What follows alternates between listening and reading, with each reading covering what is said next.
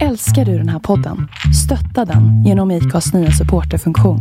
Det är helt upp till dig hur mycket du vill bidra med och det finns ingen bindningstid.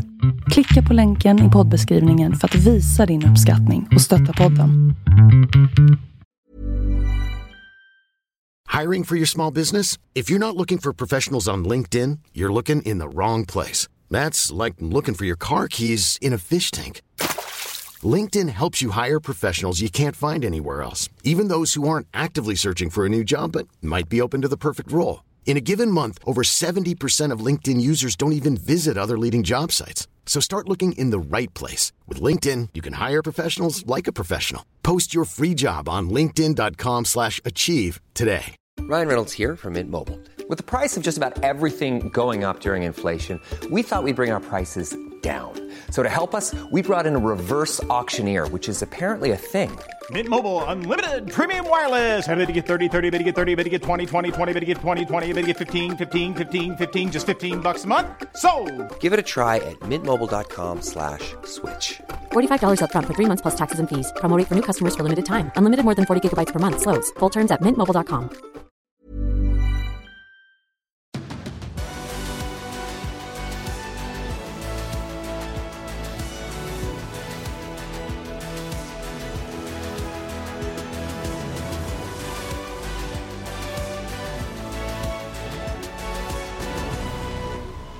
Hej, välkommen till MotoGP-podden. Det är dags för avsnitt 132 med mig Tobias Lajon och med Andreas Mårtensson. Och eh, jag tycker det känns skönt Andreas eh, att eh, hinna smälta den här racinghelgen eh, ganska snabbt för en gångs skull. Vi är ju kvar i Portugal. Ja, vi är det. Det har bara gått ett dygn sedan eh, röken la sig. Motorerna tystnade. Ja, Dammet, eh, dammet skingrades. och lastbilarna är borta. Mm, Det gick fort efter, eh, efter avslutade tävlingar så packar man snabbt där och begav sig, eller börjar bege sig mot Valencia. Mm. Du, eh, är du nöjd med helgen? Jag är nöjd med helgen. Klockrent väder, lite kallt faktiskt. Det kanske inte såg ut så på bilderna, men det, var ändå, det var ett par timmar mitt på dagen där det var t-shirtväder. Annars så var det friska vindar. Ja, jag tror också att det är friska vindar i, i Sverige så vi ska kanske inte, vi ska kanske inte klaga allt för mycket på temperaturen. Men eh, det, det påverkar till viss del eh, det som händer på banan också. Det, vi, vi såg eh, lite tveksamheter kring däckval och så under helgen. Mm, det gjorde vi. Du, i övrigt då, själva eventet som sådant. Första gången för både dig och mig i Portugal, eller just runt, runt den här banan. Vad säger du om själva stället? Fin bana, eh, jättefin anläggning. Eh, asfalt superfin, eh, banan intressant bansträckning upp och ner, bred bana. Fina faciliteter. Så att, nej, det var en, en kanon, ett kanonevenemang. Förutom en sak. Säg inte temperaturen nu igen. Nej, jag säger inte temperatur. Vad tänker du på? Logistiken, hur man tog sig till banan. Ja, den var, det var inte bra. Och Det, jag vet inte heller om vi ska ta, vi, vi kanske inte ska ta det som en punkt här, men, men det var ju en, det var ju en eh, väldigt allvarlig olycka på vägen från motorvägen upp till banan också. Jag undrar om inte den där hängde ihop med logistikproblemen, eller rättare sagt hur man har tänkt med den där infarten. Ja, eh, banan ligger ju som sagt ungefär en mil ifrån motorvägen och eh, den här vägen till banan, det är egentligen bara till banan. Eh, och det är en trefilig väg som går dit, en, en ganska snabb väg. Man kan åka snabbt på den här vägen åtminstone. Den är bred. Som sagt, tre filer är det. Det går säkert att knö in fyra filer om det skulle vara så. Men bara en fil var öppen. Ehm, det är lite märkligt för det var ju kö långt ut på motorvägen så att logistiskt sett så skötte de sig inte riktigt. Och när vi stod där i den här kön så var det ju fullt av poliser som vinkade och tjoade och skrek och tyckte att alla var dumma i huvudet i princip. Mm, inte, bara, inte bara vi den här gången, Nej. utan andra fick också en, En släng, en släng av sleven. Nej, det, var, det, var, det kändes väldigt eh, annorlunda. Jag hade tänkt mig när vi såg det här infarten att nu kommer de att göra två eller kanske till och med tre filer in mot banan och sen så tvärtom på vägen tillbaka. Men, nej, Så ju- var det inte, det var snarare tvärtom. Ja, snarare Det tvärtom. var snarare en, en liten fil in till banan på morgonen och eh, en fil ut från banan på eftermiddagen. Så nej, mycket, mycket märkligt. Eh, men det skedde ju en, eh, en väldigt allvarlig olycka där på just den vägsträckan då, lördag kväll. Eh, en taxi eh, där Lucio Lopez, en journalist som vi känner till från depån, färdades i den taxin med en just polismotorcykel som frontade med varandra och det blev världens eldinferno av detta. Eh, polisen omkom dessvärre. Eh, Lopez flög till, eh, flögs till Lissabon. Taxichauffören klarade sig. Mhm. Och där måste vi också lyfta upp eh, våra engelska journalistkollegor som bland annat Simon Patterson tillsammans med tre andra där som eh, ja, slet ut Lopez ur taxisen och, och räddade livet på honom. Ja. Otäckt. Otäckt eh, att pass, till och med passera det här stället sen under eh, söndagmorgonen när vi åkte till banan. För det, det syntes ju att det hade varit något stort som hade hänt där. Ja, vi fick inte reda på det förrän vi kom till banan på, på söndag morgon. Men man såg ju att det var någonting som hade hänt och den hade vi inte sett tidigare under veckan. Så att, ja, väldigt, väldigt otäckt. Vi hoppas att, eh, att Lopez eh, repar sig. Ja. Det här med, men just det här med logistiken, och för att vi har varit på andra banor där man just har gjort så att man är i princip har enkelriktat motorvägen. Jerez är ju ett sånt ställe till exempel. Vi har ju varit på ett gäng GP genom åren om man säger så. Då. Och då har man ju... Ser det ut på ett visst sätt så kan man nästan tänka sig hur det borde fungera i och med att vi har sett det på så många ställen förut. Här var det helt bakvänt. Ja, det var det faktiskt. Mycket märkligt. Ja, det, det, det drar ner lite grann. Men annars eh, i övrigt så är det mycket som... eh, Det är en detalj. Ja, det är en Men detalj. olyckan är ju inte en detalj Nej. i sammanhanget. Precis. Följden av det, så, så det, det blev väldigt allvarligt och jag, det går ju naturligtvis inte att koppla ihop exakt de här sakerna men det kändes konstigt hela helgen just till och från med, med, med vägarna och hur man hade förberett för publik och för oss som arbetar och för motorcyklar som kommer. Jag tyckte det var, det var riktigt rörigt var det. Ja, tanken går till konstapel Fernandes och till Lopez. Ja, Och tack för insatsen till Simon Pettersson. Bland annat. Det var tre journalister till där också, fotografer bland annat. Men själva banan och själva racehelgen, den eh, gav mer smak för mig i alla fall. Jag skulle lätt kunna tänka mig att åka hit och köra runt några dagar och bekanta mig ytterligare med banvarvet för att det finns, eh, det, det- var underhållande att både gå och, och även att köra några varv där. Ja, du körde ju några varv där på eh, fredagen. Ja, Fyra exakt. stycken tiggde du dig till. Jag tiggde, jag tiggde till med fyra, fick inget svar och, och tog fyra. Så Ja, var det. Jag trodde du skulle köra ett till. Där. Ja, det hade jag nästan kunnat gjort. Ja, för det var ingen som väntade på dig där inne. Nej, det var dumt gjort kanske. Varför blyg igen? Nej, det hade varit bättre egentligen för jag fick ju en jäkla utskällning där av doktorn där. Men Vad gjorde du egentligen? Ja, jag var i vägen antagligen. Ja, Doktorn Angel Scharte som, eh, som de hade någon eh, ego filminspelning på honom där och tyckte inte jag skulle gå bakom och ta emot dig och då fick jag världens utskillning på it- italienska. Han skulle ha till sina sociala medier antagligen. Ja, det var något. Det var något. Jag sa det till våran kontaktperson där att eh, han var lite arg på mig. Jag sa bara ja, det är hans stora ego som är problemet. Så. Ja, tycker man kan se det där. Han rör sig runt. Ja, ja. Nu har vi vikt ut nog, tror jag. Ska vi komma till programpunkterna eller vad säger du? Ja, jag vill börja...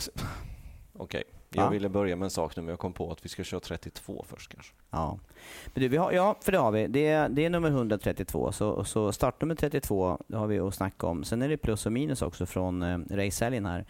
Och sen eh, har vi hunnit prata lite grann under dagen här och eh, det finns saker att säga om alla tre klasserna. Moto 3, Moto 2 och MotoGP. Så vi, vi tar det i den ordningen och sen så har vi ett race i Valencia, finalrace för säsongen och ser fram emot om eh, bara några dagar igen. Kul att prata lite Moto 3 Moto 2 också. Ja, det har vi inte gjort så mycket. Nej. Det blir lite mellan säsongerna och annars har vi ju renodlat den här till stora klasser men när det drar ihop sig så här och, och eh, Mästerskapet är också avgjort i MotoGP. ja, så är det ju. Men du, vad tänkte du på? Ska vi, ska vi ta nummer 32? Kommer Ja, du ihåg, det. kommer du ihåg det. du ska säga sen då? Jag har skrivit upp. Bra, Nej, bra. det har jag faktiskt inte gjort. Det var faktiskt att överdriva. Det var helt överdrivet ja, när det det gäller var det dig. faktiskt.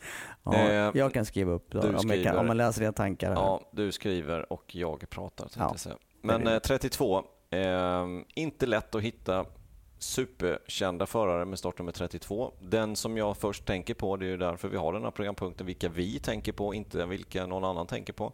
Det är ju då Lorenzo Savadori. Han är ju aktuell i och med att han har kört den här säsongen och förra. Ehm, så 32 för mig då, det är ju just Lorenzo Savadori. Mm. Aprilia nu i MotoGP som du säger.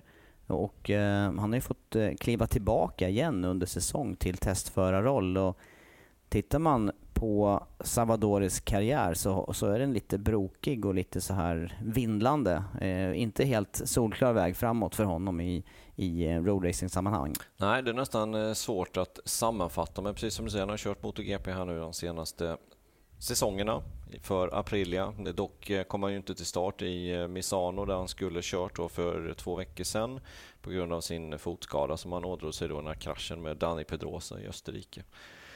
Eh, men hans karriär började ju i Red Bull Rookies Cup 2007. Mm. Var, var inte det första året de körde?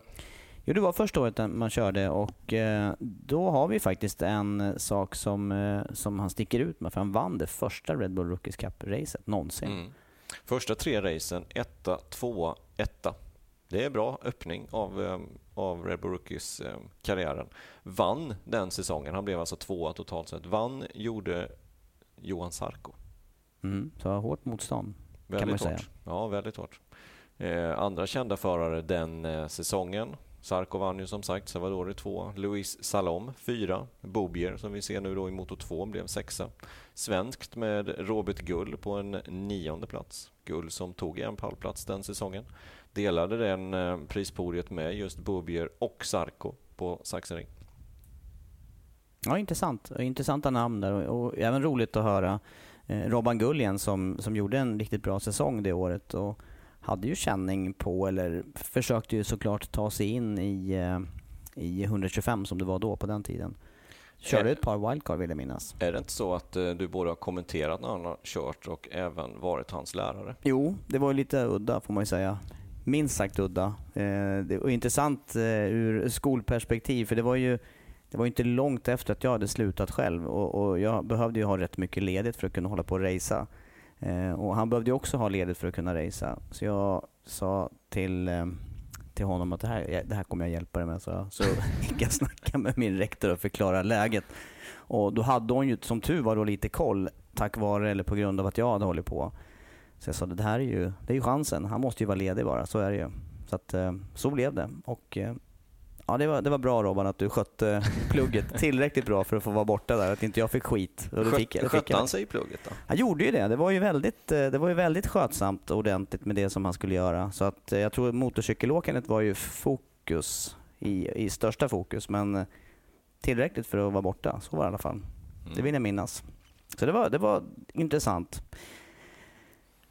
Men tillbaka till Salvador här då. Han han fortsatte ju sen i 125-klassen. Det är det normala steget att, att ta. Och, eh, hur gick det där Andreas? Äh, sådär kan man väl säga. Eh, 29 eh, plats 2008, 26 året efter, 23 året efter det. Eh, och sen så blev det ju över till eh, stock istället. Eh, det gick inte riktigt till 125 helt enkelt, så det blev Superstock 1000.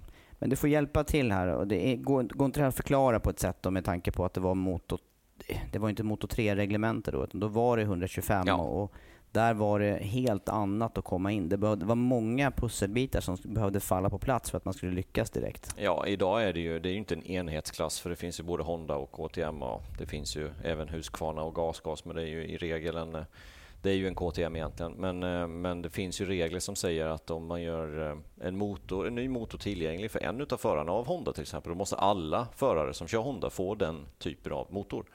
Så fungerade det inte när det var 125, vilket det var på den här tiden. Det blev ju Moto 3 till säsongen 2012. Utan på 125-tiden så var det ju som det var på tvåtaktseran helt enkelt. Att de som eh, hade bäst kontakter, bäst team, de fick de bästa grejerna och då var det sekunder det kunde skilja på ett varv i bara motoreffekt plus däck var samma sak med dem. Att de bästa däcken gick till de bästa förarna och så vidare. För det, det, kan man ju se annars idag. De som kommer från eh, topplaceringen i Red Bull Rookies eller ifrån Eh, junior-VM då, eller spanska mästerskapen, de, de, lyckas ju generellt sett bättre än det här som vi läser ja, om ja. och ser nu. Exakt, men det blev tre säsonger där och sen blev det mm, FIM Superstock 1000 i fem säsonger, eh, varav fjärde säsongen kom han fyra, eller kom han tvåa och eh, femte säsongen så vann han.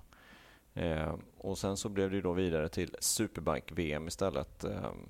Jag tror inte han tog någon pallplats till slut, men Slutade 10, 11, 10 där, körde ju för Aprilia och det var den tiden där jag jobbade på Eurosport och följde Salvador. Jag trodde att han skulle bli riktigt vass där. Så, framförallt i säsongen 2017. Då tror jag att nu har han chans att vinna det här mästerskapet. Men skador och så vidare satte stopp för det. Så han körde där, fick sparken därifrån efter säsongen 2018. Tog klivet över då till Moto E 2019 eh, och sen in då och var ersättare testförare hos Aprilia 2020-2021. Ja, det, det, det, här det känns som... Han har ju kört alla serier egentligen ja, känns som. Ja, faktiskt. Men, eh, men som sagt var inte haft lyckan med sig fullt ut. Och, och han, har, det han har vunnit, men det, då blir det nationell nivå. Han har vunnit italienska mästerskapen vet jag i superbike. Men eh, är, han, han, borde ju ha högre ambitioner än så såklart. Med ja, han har ju också vunnit då i, i Superstock 1000. Ja, just det. FIM Superstock 1000 Cup när den nu fanns då. Och det var ju en jättebra säsong han gjorde där 2015 med fyra segrar, två andra platser, en tredje plats och en åttonde plats då. Men eh, det är dit det räcker. Men någonting som är anmärkningsvärt med hela den här karriären, han har 28 år gammal. Född 1993, alltså jämnårig med Mark Marquez till exempel. Mm. Så han är ju inte lastgammal. Nej, han är inte det. Nej, men det, var, det är ju så med de här, eh, har man väl kommit in i de här rookie-serierna så är man ju ung. Även om nu ja. det reglementet kommer att ändras också här till 2022 blir det, eller hur? Med, med åldersgränser i de olika klasserna så kommer man ju höja det lite grann. Men eh, som sagt vi har hunnit med en hel del. Eh, Lorenzo Savadori, det är faktiskt det namn som dyker upp för mig också. Jag har, eh, jag har inga andra direkt som, som knackar på dörren med startnummer 32. Nej, nu tycker jag vi går över på helgen. Ja, det gör vi. Motor 3 börjar vi med. För där är ju... Vi ska alltid, vår producent på, på Viaplay säger ju alltid vi ska börja med dagens snackis. Nu blev det gårdagens snackis då, men helgens snackis. Ja, i Moto 3 så var Och det... det är ju Moto 3. Ja, det, var, det egentligen blir det två snackisar där. För dels så tog ju... Dels så säkrade Pedro Acosta VM-titeln. Och eh, det var ett riktigt dramatiskt eh, slutvarv också. Det slutade ju med att eh, Dennis Foggia blev avsatt eller omkullkörd av Darin Binder. Så att det, ja, och det var ju Foggia och Acosta som hade mästerskapet öppet emellan sig. Mm. 21 poäng var det va? Ja, så det var ju fortfarande stor fördel Acosta, men eh, det var ett, jag tyckte det var ett extremt spännande race måste jag säga. Med tanke på det som stod på spel så var det action varenda varv. Och så var det just Foggia och Acosta det handlade om. Ja, det var det.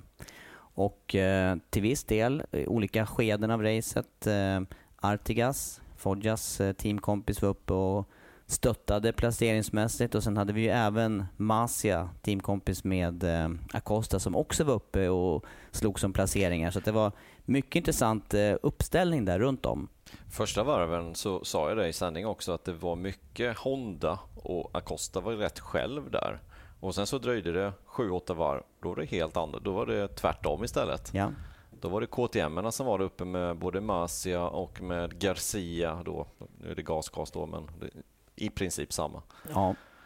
Eh, så det, det pendlade verkligen fram och tillbaka. Men eh, Foggia, han har varit snabb senaste tiden. Alltså. Grymt snabb. Ja, han har gjort en jätte, jätte, jättebra avslutning, eller senare del på säsongen ska vi säga. Och eh, hade, hade momentet in i den här helgen också. Och visade att han verkligen inte hade gett upp slaget här inför racet, Nej. eller under racet. Nej, Nej det hade han inte. Men, eh, men Pedro Acosta då, 16 år, han, eh, jag tyckte han var lite illa ute några gånger under racet och han eh, halkade ner och låg, vill jag minnas, femma, sexa någon gång som sämst. Han kom alltid tillbaka. Han kom tillbaka, ja. Han gjorde det. Men han, han åkte ju de här okonventionella spåren. Banan bjuder in till ganska många olika spårval, inte minst i Moto 3-klassen. Nej, men han åkte hela tiden tajtare spår och det fungerar ibland. Eh, men, men, det tyder på att han har en, någonting extra med känslan i framänden på cykeln som inte de andra har. I och med att han kan åka så varv på varv på varv. Att någon kan göra det något varv och köra förbi och inte pricka Apex perfekt, det kan alla göra. Men han kör ju så. Ja. Och då har man något extra med känslan i framänden. Och, och har man den lilla extra känslan, det är inte många som har det. Då har man ett trumfkort vidare i karriären, garanterat. Mm. Men han gjorde ett lite större misstag eh, som vi båda reagerade på. Det var ju det här när han vände sig bakåt och, och tappade direkt två, tre placeringar i ja. samma moment. Ja. Han är 16 år gammal som sagt. Ja, det var ju, det var ju just det. Där tror jag att eh, den här bristande erfarenheten spelade in, att han gjorde den rörelsen. Säkert. Säkert. Men, eh, men den stora, i, i finalen här, eller i sluttampen på racet här då, så, så hände ju det här dramatiska med att Foggia går omkull eh, med hjälp av Darren Binder, eller på grund utav, eh, hur man nu ska säga. Vad är, det som, vad, är det som blev- föran, vad är det som föranleder den här kraschen? Han blev eh, T-bonad av Darren Binder. Ja, ja, ja. och hur Ja. farligt var det där egentligen? Nej, men det, det, det slutade vi. De, de slogs ju om segern. Acosta var på väg att köra om, eller hade egentligen kört om Foggia. Binder ville göra en attack på Garcia. Eh, och eh, det slutade med att Binder körde rakt in i Foggia egentligen. Eh, och drog med sig Garcia på köpet. Eh, och det hela slutade med att han eh, blev fyra i mål, men blev utesluten från racet. Diskvalificerad Mm. för den här incidenten. Men när vi såg det här direkt, i direktsändning alltså under, under tiden, eh, ja i, i realtid, då kände jag att ah, det där var inte så bra bedömt eh, av Binder då när han kom rätt in i sidan på Foggia. Men sen direkt när, när reprisbilderna kom, då får man ju en liten förklaring till varför det här sker. Tycker du inte det? Jo, det tycker jag. Eh, ja, det- det här är en jättesvår, för alla rasar ju nu givetvis mot Binder och, och Leopard Racing, de petade ut han i boxen egentligen från början. Eh, Fenati var där inne och eldade på lite stämning till Foggia. Eh, ja, och Johan Stigefelt då och, och Foggia skulle gå in och be om ursäkt efter racet. Det var inte riktigt aktuellt, känns det som, utan det var bara att ja, vända på klacken och gå därifrån, ungefär. Men det är flera, det är flera saker som, som gör att det blir sådär. Det är ju en serie, en sekvens med händelser. Ja. En sekvens, en sak är ju eh, Acostas omkörning utav Foggia i kurva 3 där. Det finns många grejer som leder upp till det här. Ehm, och det är ju att dels, Foggia leder, inget snack om saken. Han leder in i kurva 1. Detta hände ju i kurva 3. Han ledde in i kurva 1. Ehm, Acosta låg två, gjorde ingen attack på Foggia in i kurva 1. Istället är det Garcia som går förbi Acosta in i kurva 1. Garcia går brett. Acosta kommer tillbaka på insidan i knicken, kurva 2. Det vill säga Garcia ligger trea, Binder ligger i det här läget fyra. Och det här, är- det här är sista varvet på, på hela racet. Sista varvet på hela racet, in i ett av de absolut bästa omkörningstillfällen på hela banan, kurva 3. Och Acosta tar sig alltså förbi in i knicken, kurva 2. Kontrar han tillbaka på Garcia och sen så attackerar han direkt Foggia in i kurva 3. Och gör en sen inbromsning, vilket gör att Foggia inte kan han kan inte svänga in i sitt vanliga spår där, utan han- blir blockpasad helt enkelt. Han blir blockerad från att svänga in där, för på insidan är Acosta. Så han får helt enkelt vänta till Acosta har bromsat färdigt och kan vika runt. Och då, är, då har redan Foggia missat sin insvängningspunkt, sin tangeringspunkt på insidan. Den har han redan missat där. Och tappar massa fart på det här Tappat också. massa fart för han är tvungen att bromsa, bromsa. Han bromsar ju vid sin vanliga bromspunkt, men han får bromsa ännu mer i och med att Acosta kommer på insidan. Och bakom där så hade ju då Garcia gått brett, vilket gör att Acosta kan passera. Men det har ju Binder sett. Och Binder ser ju sin lucka samtidigt. Att nu ska jag ta mig förbi Garcia här. Samtidigt, för han vet att Garcia är lite ur rytmen. Förväntar sig nog inte att Binder ska komma, för han har precis blivit omkörd igen av Acosta. Och man kan nästan se på bilderna att de bromsar ungefär samtidigt, Acosta och Binder. De ger sig liksom ut och bestämmer sig för att Acosta bestämmer sig för att nu ska jag köra om Foggia samtidigt som Binder bestämmer sig för att nu ska jag köra om eh, Garcia. Och det läser inte Binder hundraprocentigt. Vad ska han göra i det här Nej, läget då? det, det, det är det som är jättesvårt för att han, han har bestämt sig för att han ska köra om här, punkt. Men i, i samma, samma ögonblick bestämmer sig Acosta att också köra om. Vilket gör att Foggia står still. Och det har inte riktigt Binder räknat med i det här läget. Utan han bromsar, han bromsar för sent dessutom för att han vill vara säker på att gå förbi Garcia. Och i och med att Foggia då har precis blivit omkörd, då står han still där och kontakten är... Det, det går inte att undvika helt enkelt. Hade inte Foggia varit där, då hade de gått brett båda två och sen hade det varit lugnt. Alltså Garcia och Binder.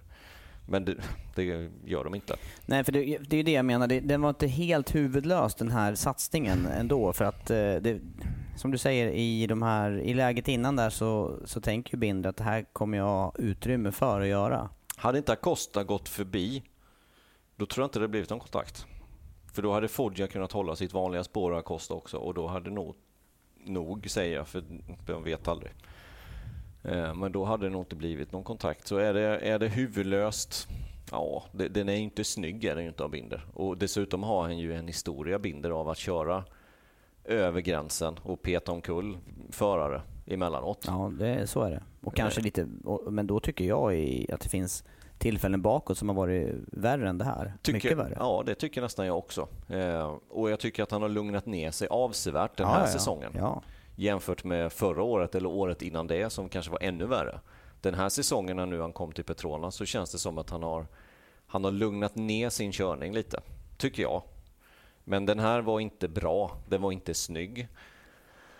Eh, han gör en felbedömning helt enkelt. Han, gör, han, gör, han bedömer inte att Acosta ska gå förbi Foggia i det här läget. Utan han tror att han är den enda som ska köra om in i den svängen. Eh, vilket inte är fallet. Och han missar inbromsningen lite och det gör, han för, det gör han nästan med flit för att komma förbi Garcia så att det inte blir några konstigheter däremellan. Och synas i tid kanske? Exakt, synas i tid så inte Garcia viker in framför. Eh, men kontakten är ju eh, uppenbar, mm. ser vi ju. Ja, ja, och den är hård. ja, den är hård ja. och, och, det har ju också att göra med att Foggia har inte sitt vanliga spår riktigt. Han vänder ju nästan tillbaka, han möter ju ja, nästan Binder. Han har ju mer vinkel på cykeln i det läget än vad han brukar ha.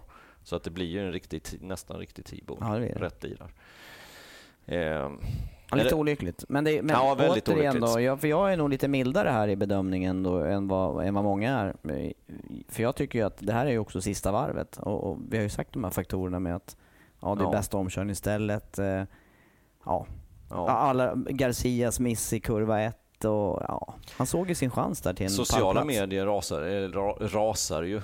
Det har jag ju sett här under, under dagen här och tycker att det där var ju idiotiskt och man är ju man börjar ju till och med dra växlar att man är rädd som MotoGP-förare till nästkommande säsong och hur ska det här gå och så, där och så vidare. Det tycker jag är att dra det några steg för långt faktiskt. Eh, jag tror att ehm, Ja, vad tror jag? Jag, jag, jag, jag tycker, så här då. Ja, tyck, ja, jag tycker så här att, att det blir så uppmärksammat. Det har nog med att göra att det var mästerskapet som avgjordes. Ja, det tror jag med. Det, hade att, inte varit... att det, blev, det blev sista punkten i mästerskapet. För Foggia har ju på något sätt, han låg nästan 100 poäng efter så att det... Ja, vad, vad avgjordes mästerskapet? Var det här eller var det innan? Det kan man ju fråga sig då, ja. men det satte ju P för det helt enkelt. Eh, och, och, jag brukar vara, när, när det är oschysst körning till exempel, då brukar jag vara rätt hård. Tycker jag själv. Hårdare än många andra som jag pratar med som tycker att ah, det där var väl en race incident. Jag, jag tycker ofta att det inte är det. Jag tycker ofta att man är värd en bestraffning när man gör någonting dumt.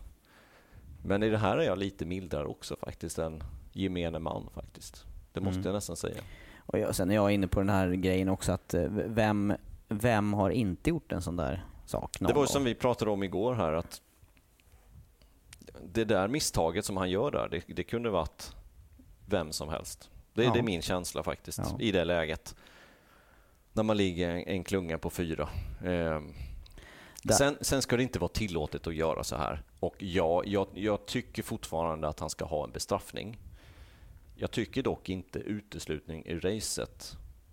Eh, det, det, det, tycker jag är för hårt faktiskt. Och jag tycker inte som jag hörde Michael Levitt och du snackade med honom idag här att han tyckte till och med att det skulle bli en raceban på det för nästkommande helg i Valencia.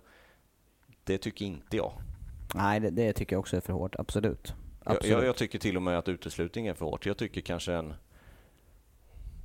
ja, 10 sekunder, 20, 30. Ja. Utanför poängen. Ja, nu hör man är lite tankfull i det här. Det är inte, det är inte solklart. Men, men, men sen är det eh, också så här, det har skett tre väldigt allvarliga olyckor med dödlig utgång och de har ju själva sagt att de ska tajta åt det här ordentligt. Att göra det mer nej men tajta åt bestraffningarna. Ge bestraffningar för, för mindre företeelser än innan. Hade det här varit för tio år sedan, ja, då tror jag inte det hade blivit någonting. Det tror inte jag heller. Faktiskt. Nej. Eh, men nu är det 2021, allting som har hänt. De har fått eh, de har fått tillsägelser under den här säsongen. Binder har dessutom blivit drabbad förr på Saxering, vilket jag också vi kan diskutera.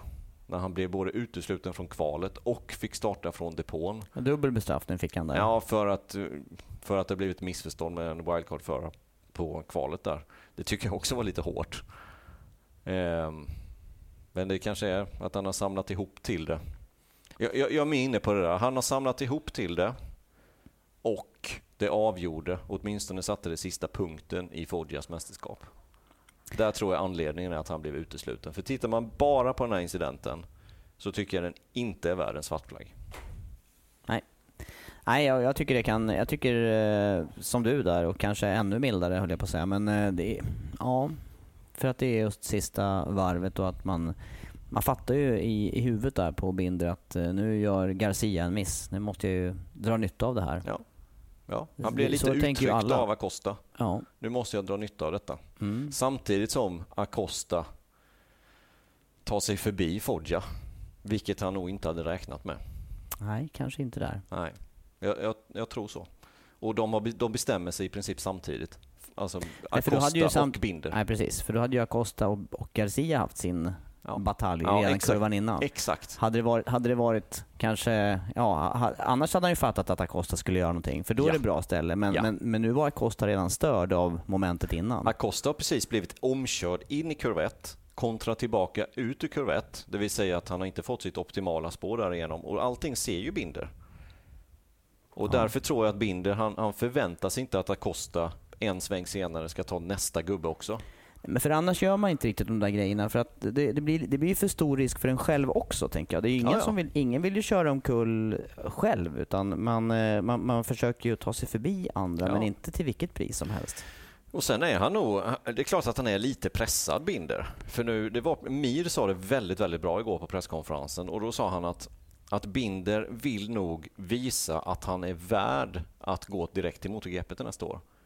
Och det ligger nog mycket i det. Att han, han vill verkligen göra bra resultat nu i Moto 3 för att bevisa för alla som är skeptiska mot hans förmåga att köra MotoGP nästa år.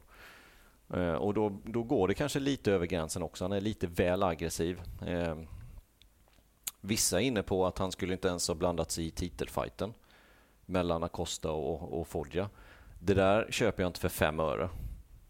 Nej, det Faktiskt. finns väl ingen som... Eh, nej. Det, det nej men jag, jag märkte flera gånger här senaste åren att, att just i motorcykelracing, i MotoGP eller Moto3, Moto2, då ska, man, då ska man vara snäll mot dem som slåss om mästerskapet.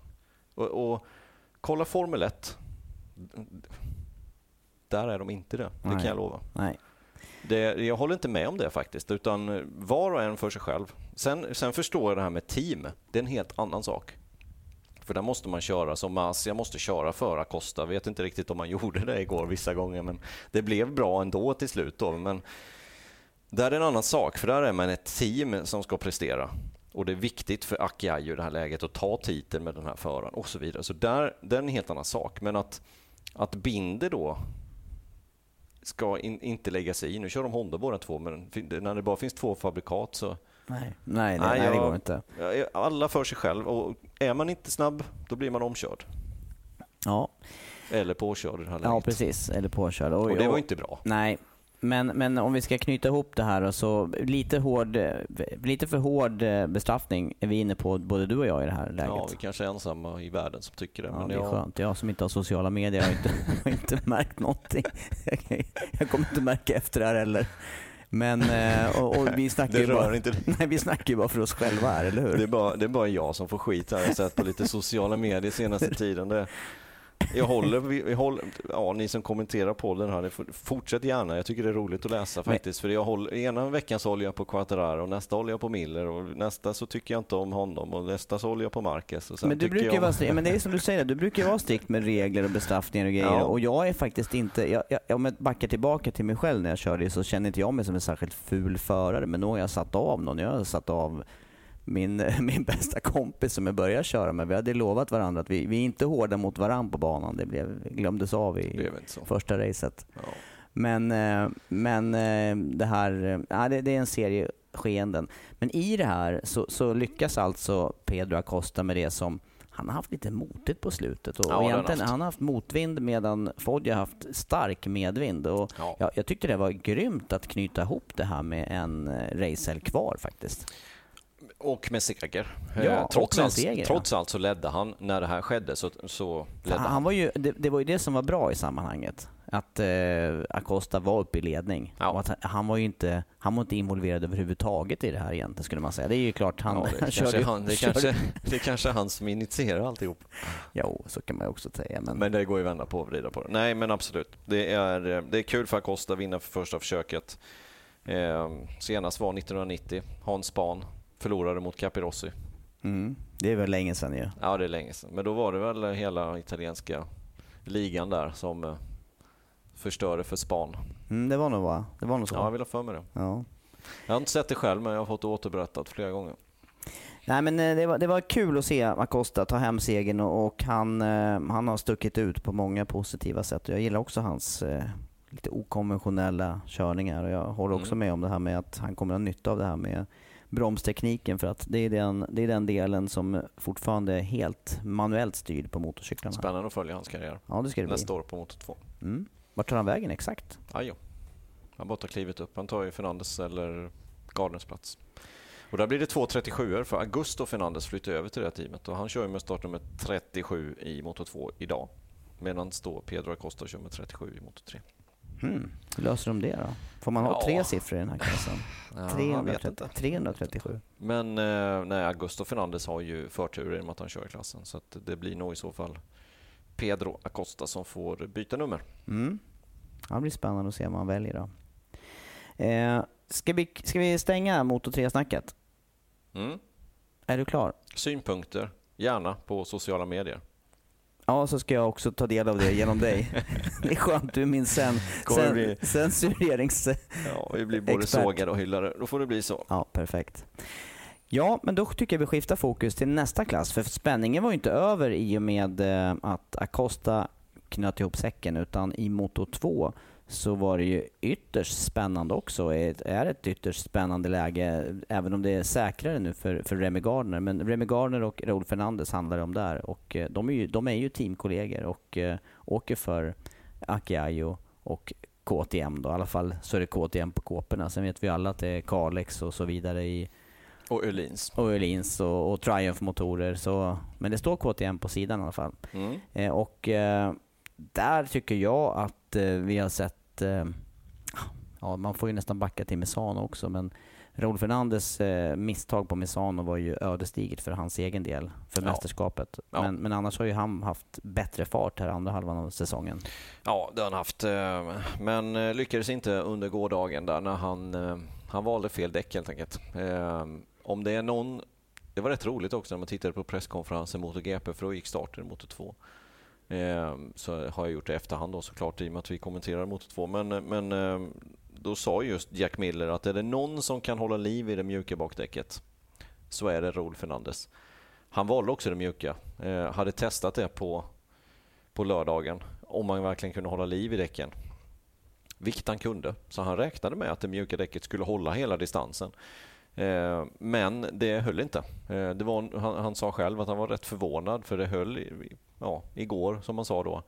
Men det höll inte på racet utan det var det hårda som gällde och det såg vi klart och tydligt. Eh, Besecki rasade ju som en sten i listan. Ja, ja. Han hade ju inte en chans att ens upprätthålla eh, Fernandes fart. Nej, han tappar ju 10-11 sekunder där på andra halvan av racet. Och på något sätt så, så det här är en styrka för Raúl Fernandez som är riktigt, riktigt vass. Alltså. Riktigt vass.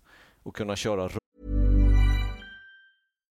If you're looking for plump lips that last, you need to know about Juvederm lip fillers. With Juvederm Volbella XC and Juvederm Ultra XC, your lip look, whether it's subtle or bold, can last up to one full year with optimal treatment and no additional maintenance. Find a licensed specialist and see if it's right for you at juvederm.com today. That's J U V E D E R M.com. Add fullness to lips in adults over 21 with Juvederm Volbella XC or Juvederm Ultra XC. Do not use if you have severe allergies or a history of severe allergic reactions, or if you're allergic to lidocaine or the proteins used in Juvederm. Tell your doctor if you have a history of scarring or taking medicines that decrease the body's immune response or that can prolong bleeding. Common side effects include injection site redness, swelling, pain, tenderness, firmness, lumps, bumps, bruising, discoloration, or itching. As with all fillers, there's a rare risk of unintentional injection into a blood vessel, which can cause vision abnormalities, blindness, stroke, temporary scabs, or scarring. For full important safety information, visit juvederm.com. I'm Sandra, and I'm just the professional your small business was looking for. But you didn't hire me because you didn't use LinkedIn jobs. LinkedIn has professionals you can't find anywhere else, including those who aren't actively looking for a new job but might be open to the perfect role, like me. In a given month, over 70% of LinkedIn users don't visit other leading job sites. So if you're not looking on LinkedIn, you'll miss out on great candidates like Sandra. Start hiring professionals like a professional. Post your free job on linkedin.com/achieve slash achieve today. Hey there, it's Michelle Norris. I'm host of a podcast called Your Mama's Kitchen. When I travel, I'm usually looking for a way to find a taste of home when I'm not at home. And one of the things I love to do when I am at home is entertain. And Airbnb allows me to do that. When I was in California recently, I rented a house that had a great kitchen. And when we were sitting around the table, we're all thinking, we're in someone else's house. Someone could be in all of our homes as well. If you have a home, but you're not always at home, you have and Airbnb. Your home might be worth more than you think. Find out how much at airbnb.com/slash host. runt problemen för vi såg ju klart och tydligt där att han ändrade strategi. Han körde hårdare in i svängen när han inte kunde ladda på lika fort ut ur svängen. Och vi sa ju tydligt där, det sa vi ganska tidigt i racet också, att hans däck håller på att gå ner sig. Det såg vi i sista sektorn för att tappar han en kvarts sekund och det är där man har nytta av fästet. Så ehm, ja, han, han gjorde vad han kunde, satte så mycket press det gick, men det gick inte helt enkelt. Nej, det blev de hårda däcken som, som drog längsta strået. Eller de förare som valde hårda Ja. däck.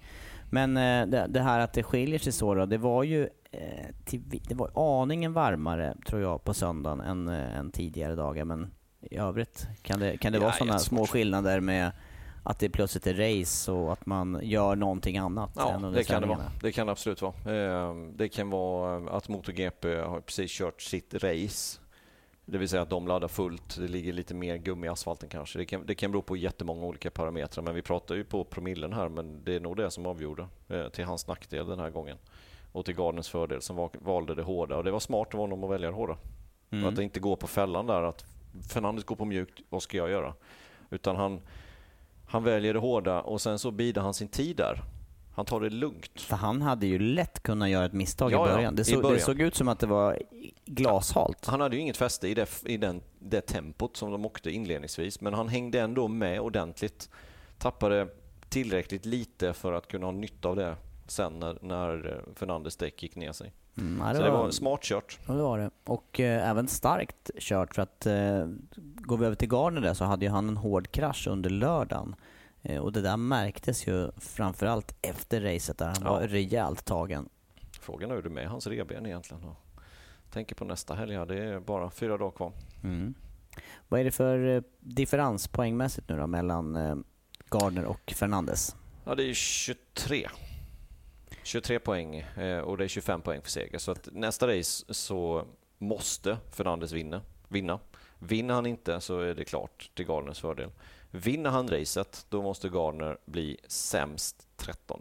Det vill säga att han måste ta minst 3 poäng. Hamnar de på lika poäng, det vill säga att han blir 14, eh, då vinner Fernandes på fler segrar. Mm.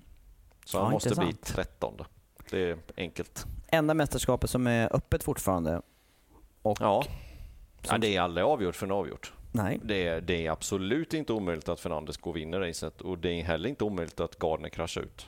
För så jämn är den här klassen. Ett dåligt kval och sen vet vi inte hur vädret blir. Det kan mycket väl bli kallt och regnigt. Även fast jag tittade precis här, det såg inte ut att bli så utan det såg ut att bli uppehåll i helgen. Men eh, ja, gjorde- final är final. Ja, och Gardner gjorde en bra lördag åtminstone med, med sitt kval. Han redde ut en situation som höll på att gå honom ur händerna där med, eh, med ont om tid kvar och sätta ett snabbt Ja, det kvalvarv. måste ha varit något fel där på däcken första stinten. Gick in och bytte och sen fick han tre flygande varv på sig. Eh, och lyckades då kvala i andra positioner. Samtidigt som Bubier, Cameron Bubier, drogs med i farten av Gardner och kvalade också. Han startade sexa tror jag. Eller Ja, något liknande. Och slutade också på femte.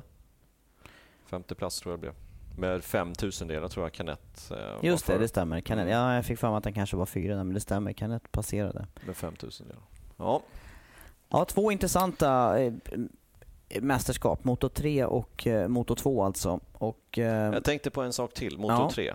Nu Mm. hoppar jag tillbaka här. ja, Önchu kommer ju tillbaka helgen. ja. Han fick två raceband. Avstängning, det. två race. Mm, för det han gjorde i USA. Eh, kan man jämföra Binder och Önchu i det här tycker du? Nej, alltså jag tycker det Önche gör och, och gjorde var betydligt värre. Bra. Det måste jag säga. Nej, för jag håller med om det. Jag vill bara klargöra att så tycker vi åtminstone. Ja, för det handlar ju inte ens om någon... Nej, nej det, han har ju ingen aning om vad som händer bakom honom när han gör sådär. Nej. Och, och det, i, min, I min bok så är det mycket fulare att göra så som Önchu gör Ja, ja. och hålla på och ringla sig på ja raksträckan. för mig med. än att göra ett sånt misstag, T-bone, vad man nu vill, som Binder gjorde. Ja. Ja, det är. Mycket värre. Det är medvetet på något vis. På ett annat sätt. Mm. Medvetet fast omedvetet Ja. på ett annat ja, sätt. Ja, Mm. Nej, jag tycker det är värre. Betyder ja, ja, att man inte riktigt har koll. Nej, på något sätt. För jag menar, ja, det där kan vi diskutera länge där, men eh, det, det är som du säger där. Jag, med, med, just Önschers körning har ju eh, stuckit ut när det gäller de där kursändringarna. Eh, och eh, ja, det... Just, just i det läget i USA där, där, där hade han inte riktigt koll på vad han hade motorcykeln och sina medtävlare, eller konkurrenter. Det, blev ingen, det var ingen utrymme för Alcoba att ta vägen någonstans ju. Nej. Sen, fin- sen måste vi tillägga också att det finns många andra som gör precis likadant. Alcoba en. Alcoba är en ja, som ska hålla väldigt låg profil och anklaga Önchu. Ja, faktiskt. För han är lika god kolsuper han. Rodrigo är en annan Mm. som håller på med sånt. Ja. Och det finns några till som Ja. är, sticker ut lite. Men, nej, men det var bara ja, en passus. passus. Och han är tillbaka, Önchu är tillbaka. Ja.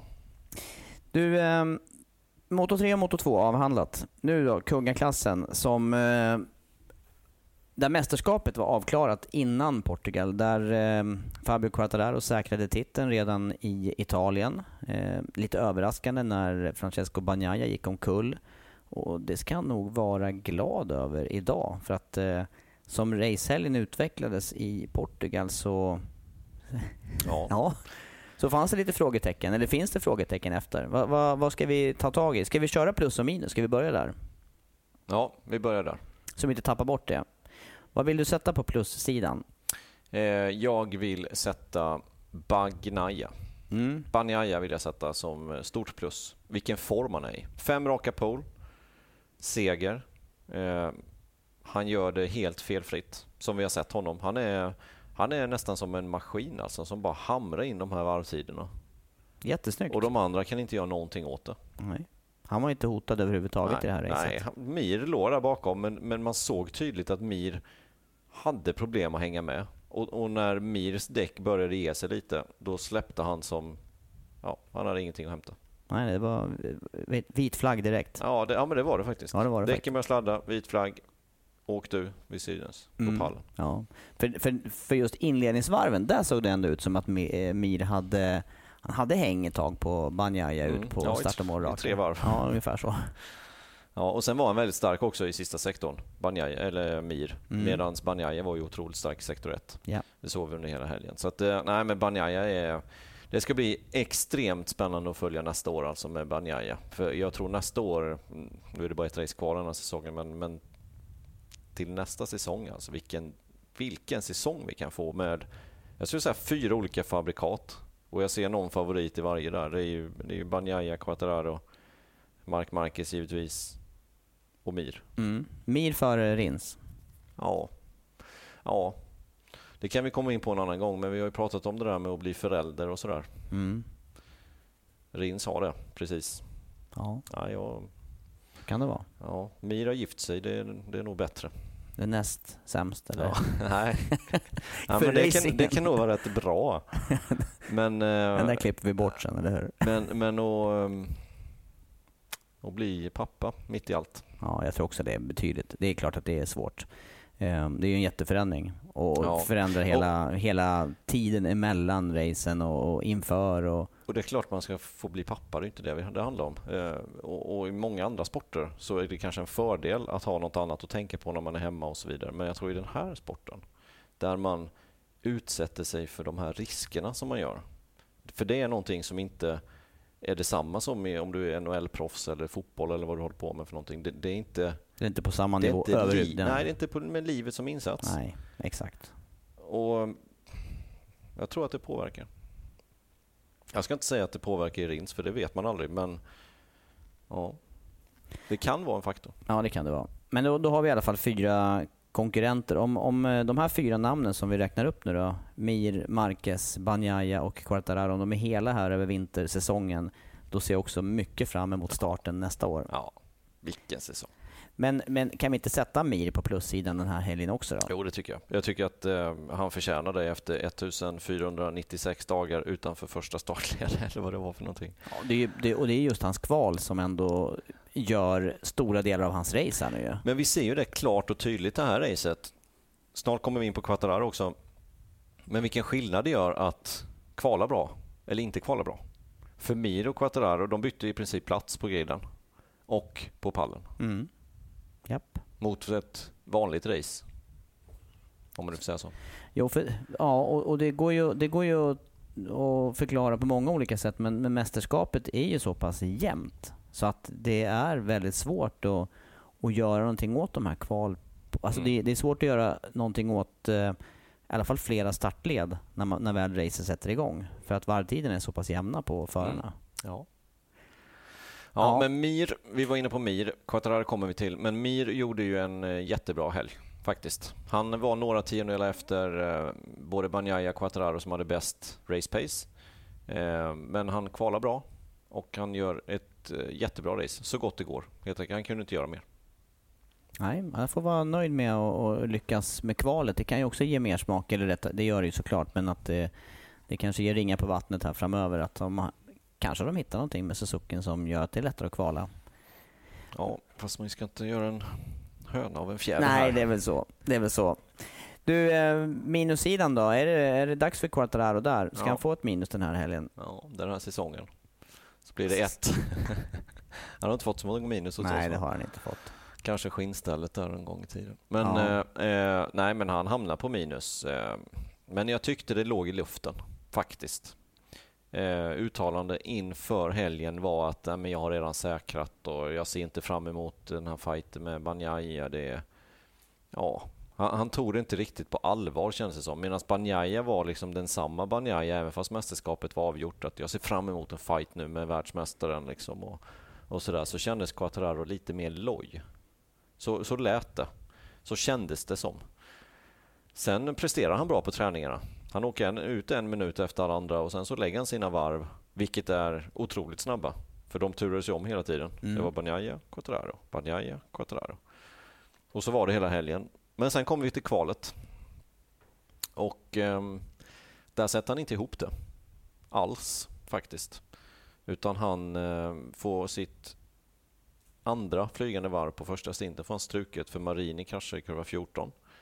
Eh, och det är ju sånt som kan hända. Men sen så har han ju två flygande varv på sig till, vilket han inte sätter ihop de, de två varven. Första varvet då vill man alltid värma upp däcket lite, men andra varvet på andra stinten, den sätter han inte ihop. Tittar man på kvalet och så tittar man på hans idealtid, om man lägger ihop de här fyra sektorerna och så tar man de bästa sektorerna, så lägger man ihop det till ett varv. Då hade han varit tre. Stått trea på griden. Nu står han sjua för att han inte sätter ihop sitt varv. Det går lite för mycket upp och ner helt enkelt under kvalet. Ehm, och då ser man också vad tajt det är. Mm. Så han behöver, det du menar är att han behöver, han behöver sätta sin bästa sektortid i, i alla fyra sektorer, helst under samma varv? Ja, alltså när vi pratar om att göra ett bra kval, givetvis så ska man ju... Ja, eller ett bra kval, en bra varvtid. Det ska ju givetvis vara konkurrenskraftig, givetvis. Men att sätta ihop sitt varv, det vill säga att sätta alla sina bästa sektorer på samma varv, då har man gjort ett bra varv. För att annars har man inte gjort ett bra varv, då har man gjort bra sektortider. Och det är något helt annat.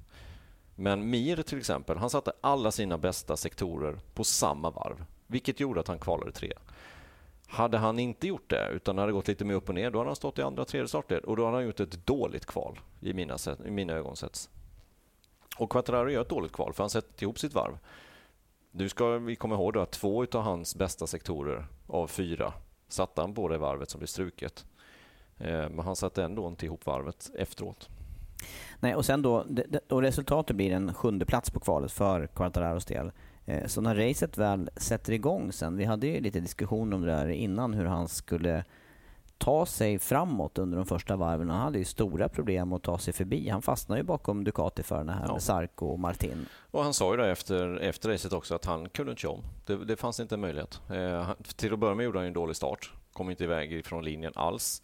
Och sen så blev han fast. Det gick inte.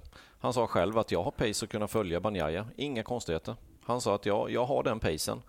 Men han har en Ducati framför sig och då kan man åka... Det, det, det kunde varit att Martin var en sekund långsammare, men det går inte att köra förbi. Eh, och det har vi hört hela året här, både när Vinales kör, körde Yamaha och andra Yamaha-förare, att det är deras stora problem. När de hamnar i trafik, då går det inte att köra förbi. Eh, och det var vi inne på i förra veckans podd, att anled största anledningen till att Quattararo har vunnit mästerskapet, den absolut största anledningen, det är att han, har, att han är grymt snabb på enskilt snabba varv, vilket gör att han kvalar långt fram och då gör livet mycket enklare för sig själv. Andra största orsaken att han vann, det är eh, att han kraschar lite. Mm.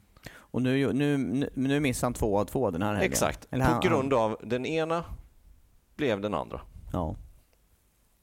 Och, och där, där är det ju att ha den kapaciteten då som, som Quattararo har och sätta ihop sina kvalvarv då ser man ju återigen hur otroligt viktigt det är när man kör på Yamaha och när man kör eh, som Quattararo gör. Mm. Utan det så hade inte detta varit avgjort än. Nej, så som nykorad världsmästare så, så hamnar Quartararo på minussidan då? jag hoppas att han eh, taggar till lite. Jag, jag, vill se, jag vill se att, lite jävlar anamma från hans del. Jag tycker det var lite lojt. Det, det var som att bakfyllan fortfarande höll i lite. Faktiskt. Finns det någon risk med det här då? för, för nästkommande säsong. Ja, men han, han ger ju Banjaya ett mentalt övertag. Så ser jag det. Du, du kommer ihåg den säsongen 2019 när Marcus fullständigt dominerade och Quattararo kände på det hela tiden. Vi sa ju hela tiden där att Marcus vill göra ett statement. Du ska inte vinna ett race förrän det är dags, nej, om man säger nej. så. Och det, det, det höll ju han. Det höll, det ju, höll ju Marcus. Ja. Även fast han hade säkrat titeln med fyra, fem race kvar så körde han ju stenhårt mot Quattararo. Du ska inte vinna ett race. Det var ju hans motto kändes det som. Ja. Och nu så, efter Quattararo har, har säkrat så jag lägger han ner ungefär? Ungefär. Ja, Kän, det känns lite så. Jo, det var den känslan faktiskt. Jag håller med. Nu är, det, nu är det små marginaler och det var en gul flagg så hade han, eh, det varvet som blev struket där, hade gjort att han hade kvalat sexa Eh, det vill säga en plats högre upp på ett startled. Jag vet inte om det hade gjort någon skillnad. Ah, nej, det är, margin det är klart att det är större skillnader mellan eh, en placering i samma startled. Sen hade han ju då med sjätte inte stått exakt bakom eh, Ducati-förarna heller, men ja, marginell skillnad kanske. Mm. Ja, det är på minussidan för Quartararo. Sen eh, skulle en, jag vilja... En annan sak ja, bara. Kom du på mer? Ja, jag kom på en sak till jag ville säga. Det att om Banjaya hade vunnit i Misano, nu är det mycket om och du vet så här, vi brukar inte prata om om egentligen, men vi gör det ändå.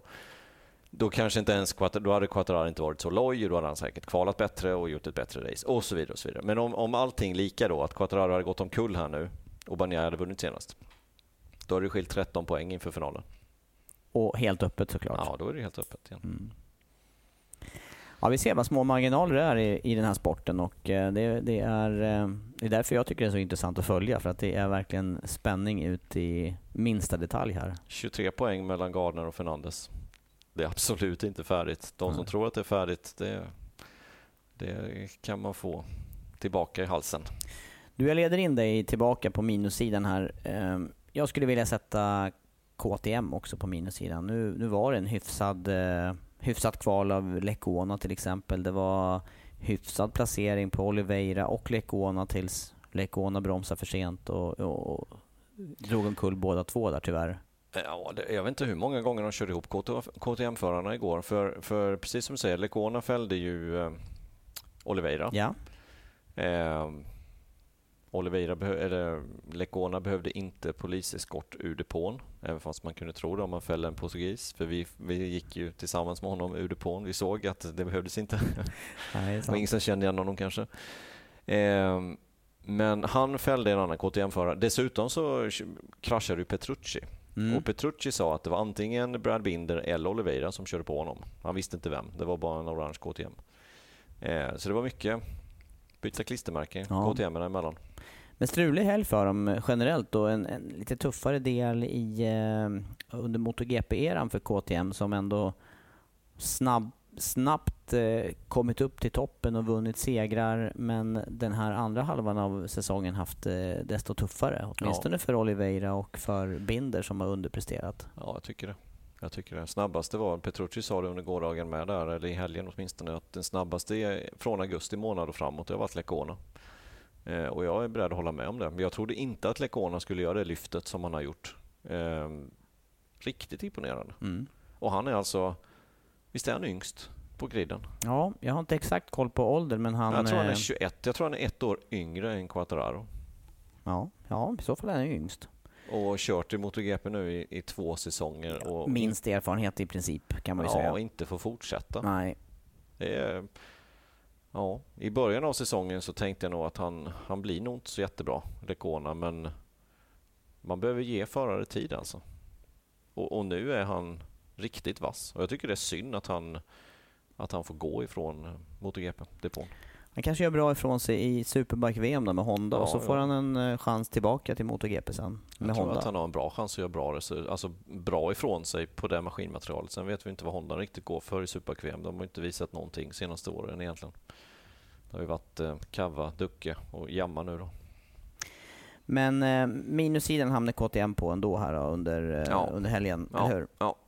Eh, sen vet jag också att eh, vad gäller Aprilia skulle jag också vilja sätta dem på minussidan för att Vinales var sist och eh, Aleix Näst Espargaro. sist jag var. Hade han någon bakom sig då? Ja, kanske var så. Ja, jag tror Morbidelli var bakom. Han föll som en sten. Ja, det gjorde han. Precis som i Misano. Så eh, det måste vara knät som inte riktigt lirar. Ja. Men, eh, ja, för, eh, men, men också kraschet av Aleix Espargaro. Det är efter toppresultat egentligen på Misano. 7-8, det var ju deras bästa Ja. Totalresultat för teamet innan. ja, det var ingen bra helg för Aprilia heller. KTM och Aprilia var på efterkälken denna helgen. Faktiskt. Ehm, ja, Se om de kan reparera det till Valencia då. ja, kanske. När vi pratar fabrikat, har inte Yamaha vunnit nästan allt i år?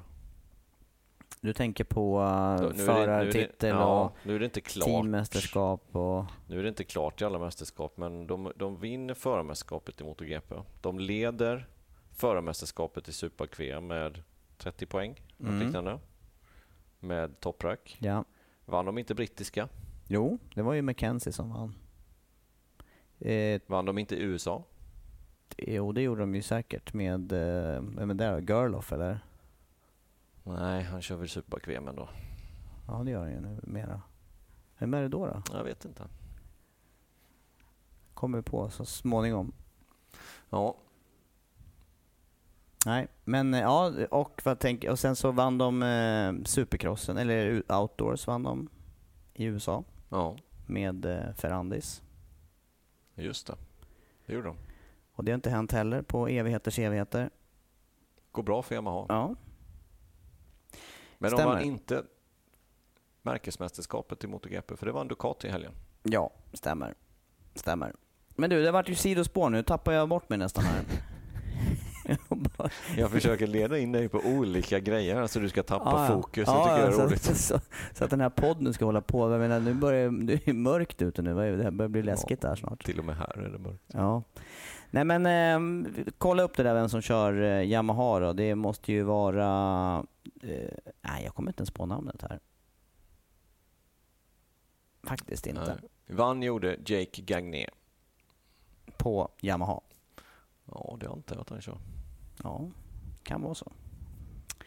Men du, vi tar, jag tar ett plus till då, för nu har jag slängt ut med ett par minustecken. Det är skönt, skönt att gå ut på, på plus, eller hur? Ja. Alex Marquez, vad säger du om det då? Jag säger att eh, Jake Gagné kör Yamaha. Och jag säger att Alex Marquez gjorde en riktigt bra helg. Ja, det gjorde han. Den var stabil rakt igenom. Ja, det var den. och eh, nära pallen. Riktigt nära pallen. Han hade pallplatsen, Mille kör om honom och eh, sen blev det röd flagg. Eh, och eh, han hade nog kunnat göra någon attack till. Sen om det räckte inte vet jag inte. Men eh, han var het där bakom. Körde fint gjorde han. Mm. Även fast han hade några krascher den här helgen. Två åtminstone. Men Ehm, snabbt upp i fart igen Ja. var han. ja. Ehm, lite besviken på Alex Marquez under säsongen ändå. Jag tycker att han har varit lite för ojämn. Ja, det gäller egentligen uh, Nakagami också, Ja. Paul Esparger och det, det, det verkar vara svårt att få till det över, över tid som du säger, för någon annan än Mark Marquez.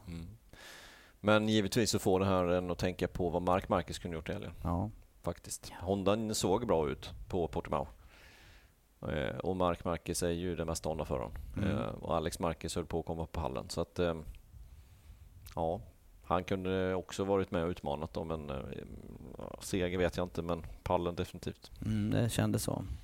Men eh, det, det här med Alex Marquez då och eh, fortsättningen, hur, hur behöver Honda göra där för att komma framåt för någon annan än Mark Marquez då? Ja, det här ska ju bli jätteintressant att se vad som händer till nästa år. För nu har utvecklingen stått still mer eller mindre förra året i år. Nu kommer de med helt nya grejer till nästkommande säsong. Eh, Marcus Paul har testat detta redan nu på Misano och sa att det här var mycket, ett steg framåt, mycket bättre än det vi har nu. Så nästa år ska bli intressant att se och då, då är det nog dags för Alex Marquez att ta ett litet steg. Eh, för de har Ayogura som knackar på dörren där. Fortsätter han som han gör i Moto 2, då kommer han att vara påtänkt för MotoGP. Definitivt. Troligtvis så kommer han ta Nakagami styrning, för Nakagami börjar bli till åren och Japan konkurrerar med en annan japan. Så att gissningsvis är det han som åker ut och Alex Marquez kan fortsätta. Men tredje säsongen, det är då man behöver steppa upp.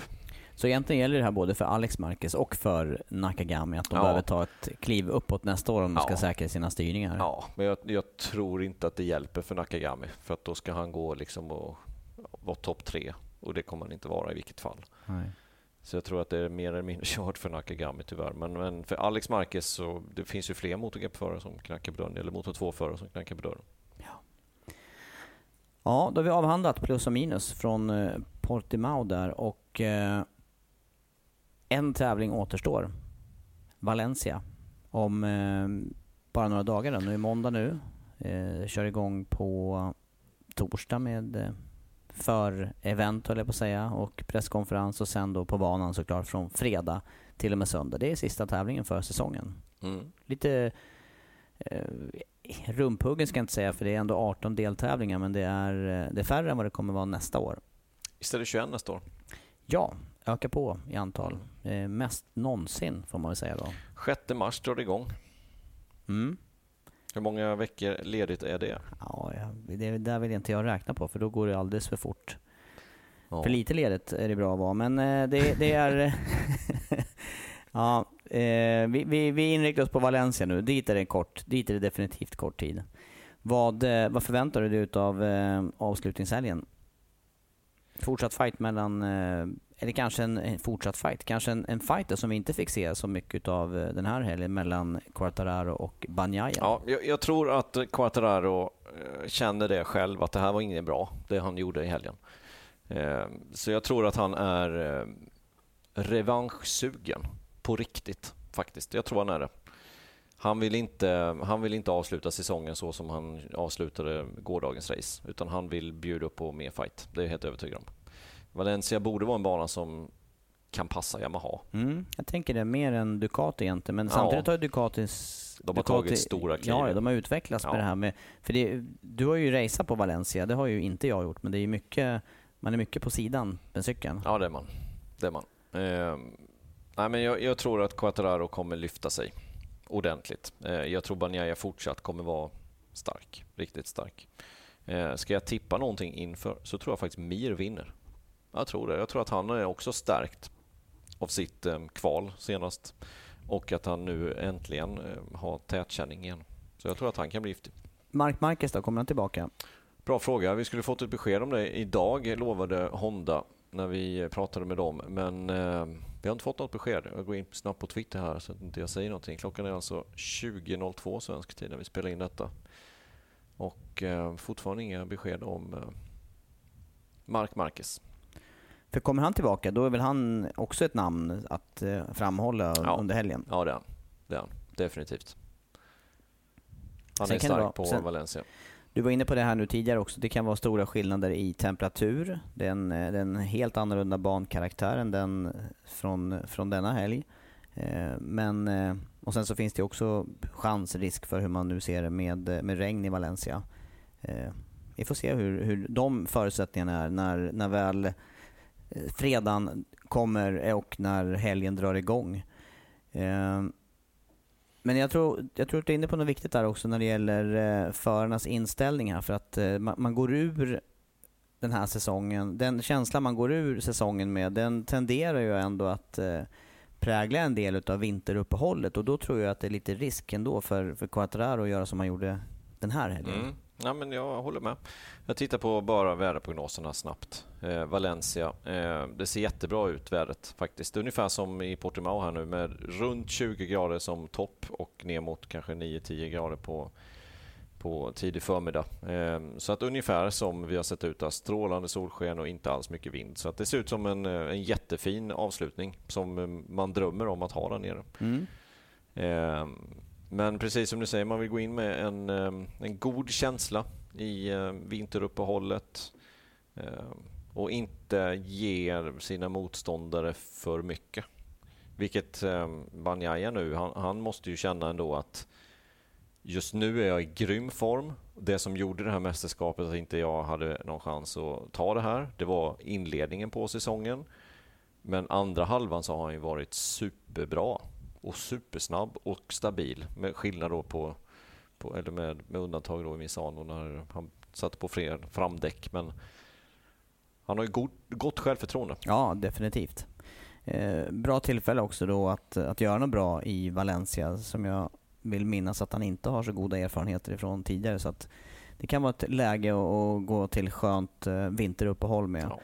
Eh, jag tänker på det här med Ducati också. där. De, de vann nu märke, märkesmästerskapet. Teammästerskapet leder de med 28 poäng tror jag det var. 45 poäng kvar där att köra om ju. Om man blir 1 och 2 där räknas ju båda cyklarna i det teamet. Men det är alltså första året för både Miller och Banjaya i fabriksteamet. Det är lätt att glömma det. Förra året var det alltså Petrucci och Dovi som körde där. Och man undrar lite, nu ska de gå till två nya förare, unga förare, vem ska driva det här? Och kolla på Banjaya nu. Tror du någon saknar Dovizioso i fabriks Ducati? Nej, nu gör man ju inte det. Nej, Nej. exakt. Nej. Jag tror inte heller det. Nej. Och, och det, de har ju Och, och dessutom... nu menar jag inte att vi eller så, utan jag, jag pratar om Ducati. Ja. Alltså, Ducati kanske tog ett, ett eh, vågat beslut i Österrike förra säsongen. Att inte ta någonting vidare med Dovizioso, men så här i efterhand så var det nog rätt. Och de har ju dessutom ett starkt eh, team i Pramac Ducati med, Ja. med Sarko och Martin som, som backar upp där och Martin är ju superhet kan jag tycka. Ja, jag också. Där, där kanske till och med Miller hänger lite löst i förlängningen. Ja, Om inte han snäpper upp lite grann till. ja.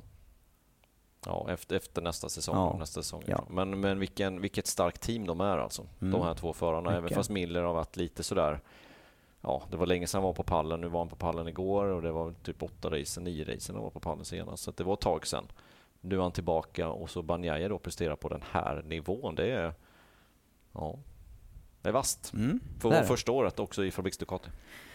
Och de fick hjälp den här helgen. Vad tänker du? Casey Stoner.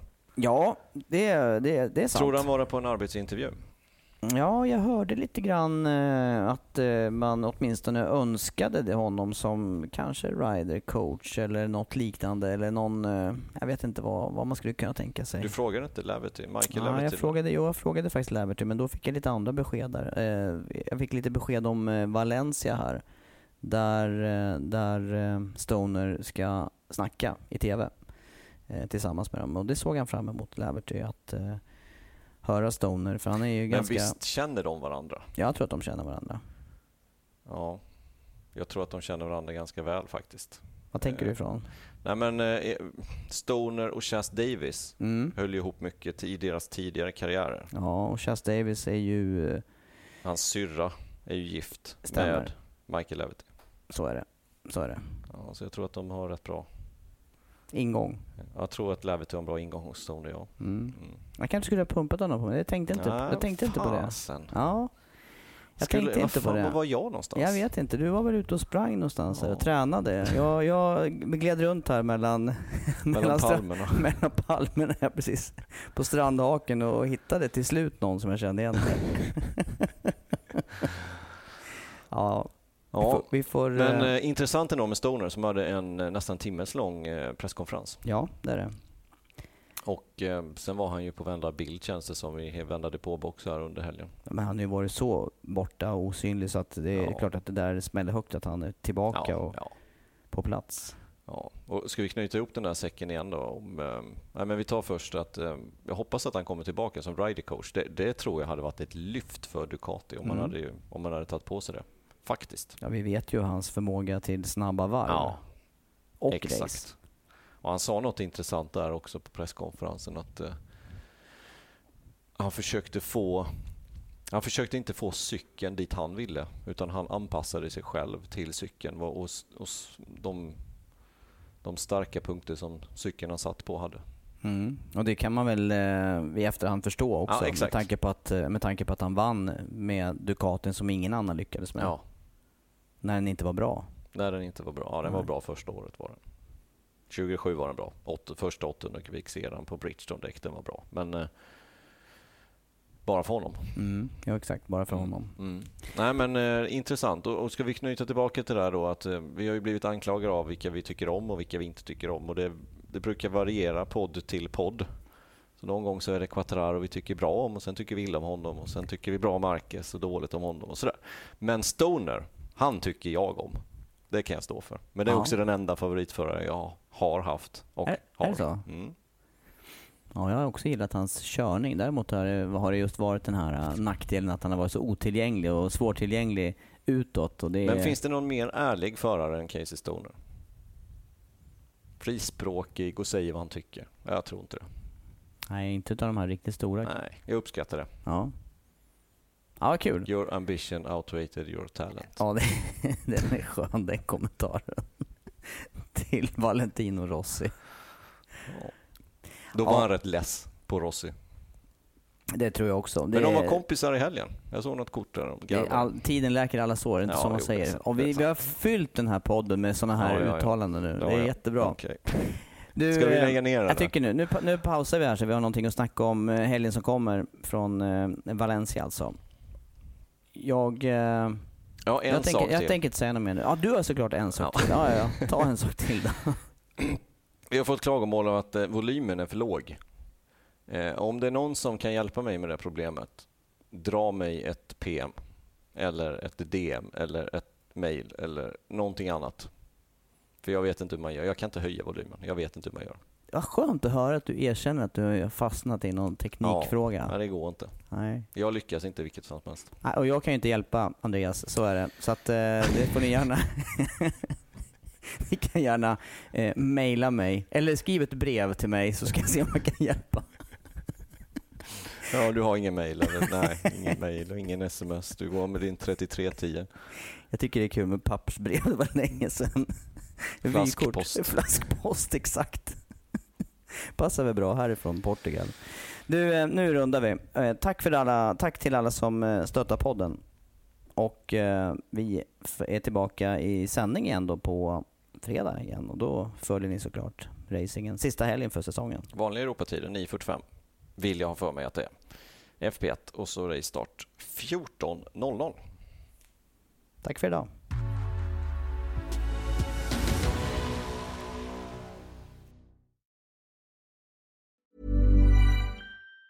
Planning for your next trip? Elevate your travel style with Quince. Quince has all the jet setting essentials you'll want for your next getaway, like European linen, premium luggage options, buttery soft Italian leather bags, and so much more. And it's all priced at 50 to 80% less than similar brands. Plus, Quince only works with factories that use safe and ethical manufacturing practices. Pack your bags with high-quality essentials you'll be wearing for vacations to come with Quince. Go to quince.com slash trip for free shipping and 365-day returns. Hold up. What was that? Boring. No flavor. That was as bad as those leftovers you ate all week. Kiki Palmer here, and it's time to say hello to something fresh and guilt-free. Hello Fresh. Jazz up dinner with pecan-crusted chicken or garlic butter shrimp scampi. Now that's music to my mouth. Hello Fresh. Let's get this dinner party started. Discover all the delicious possibilities at hellofresh.com.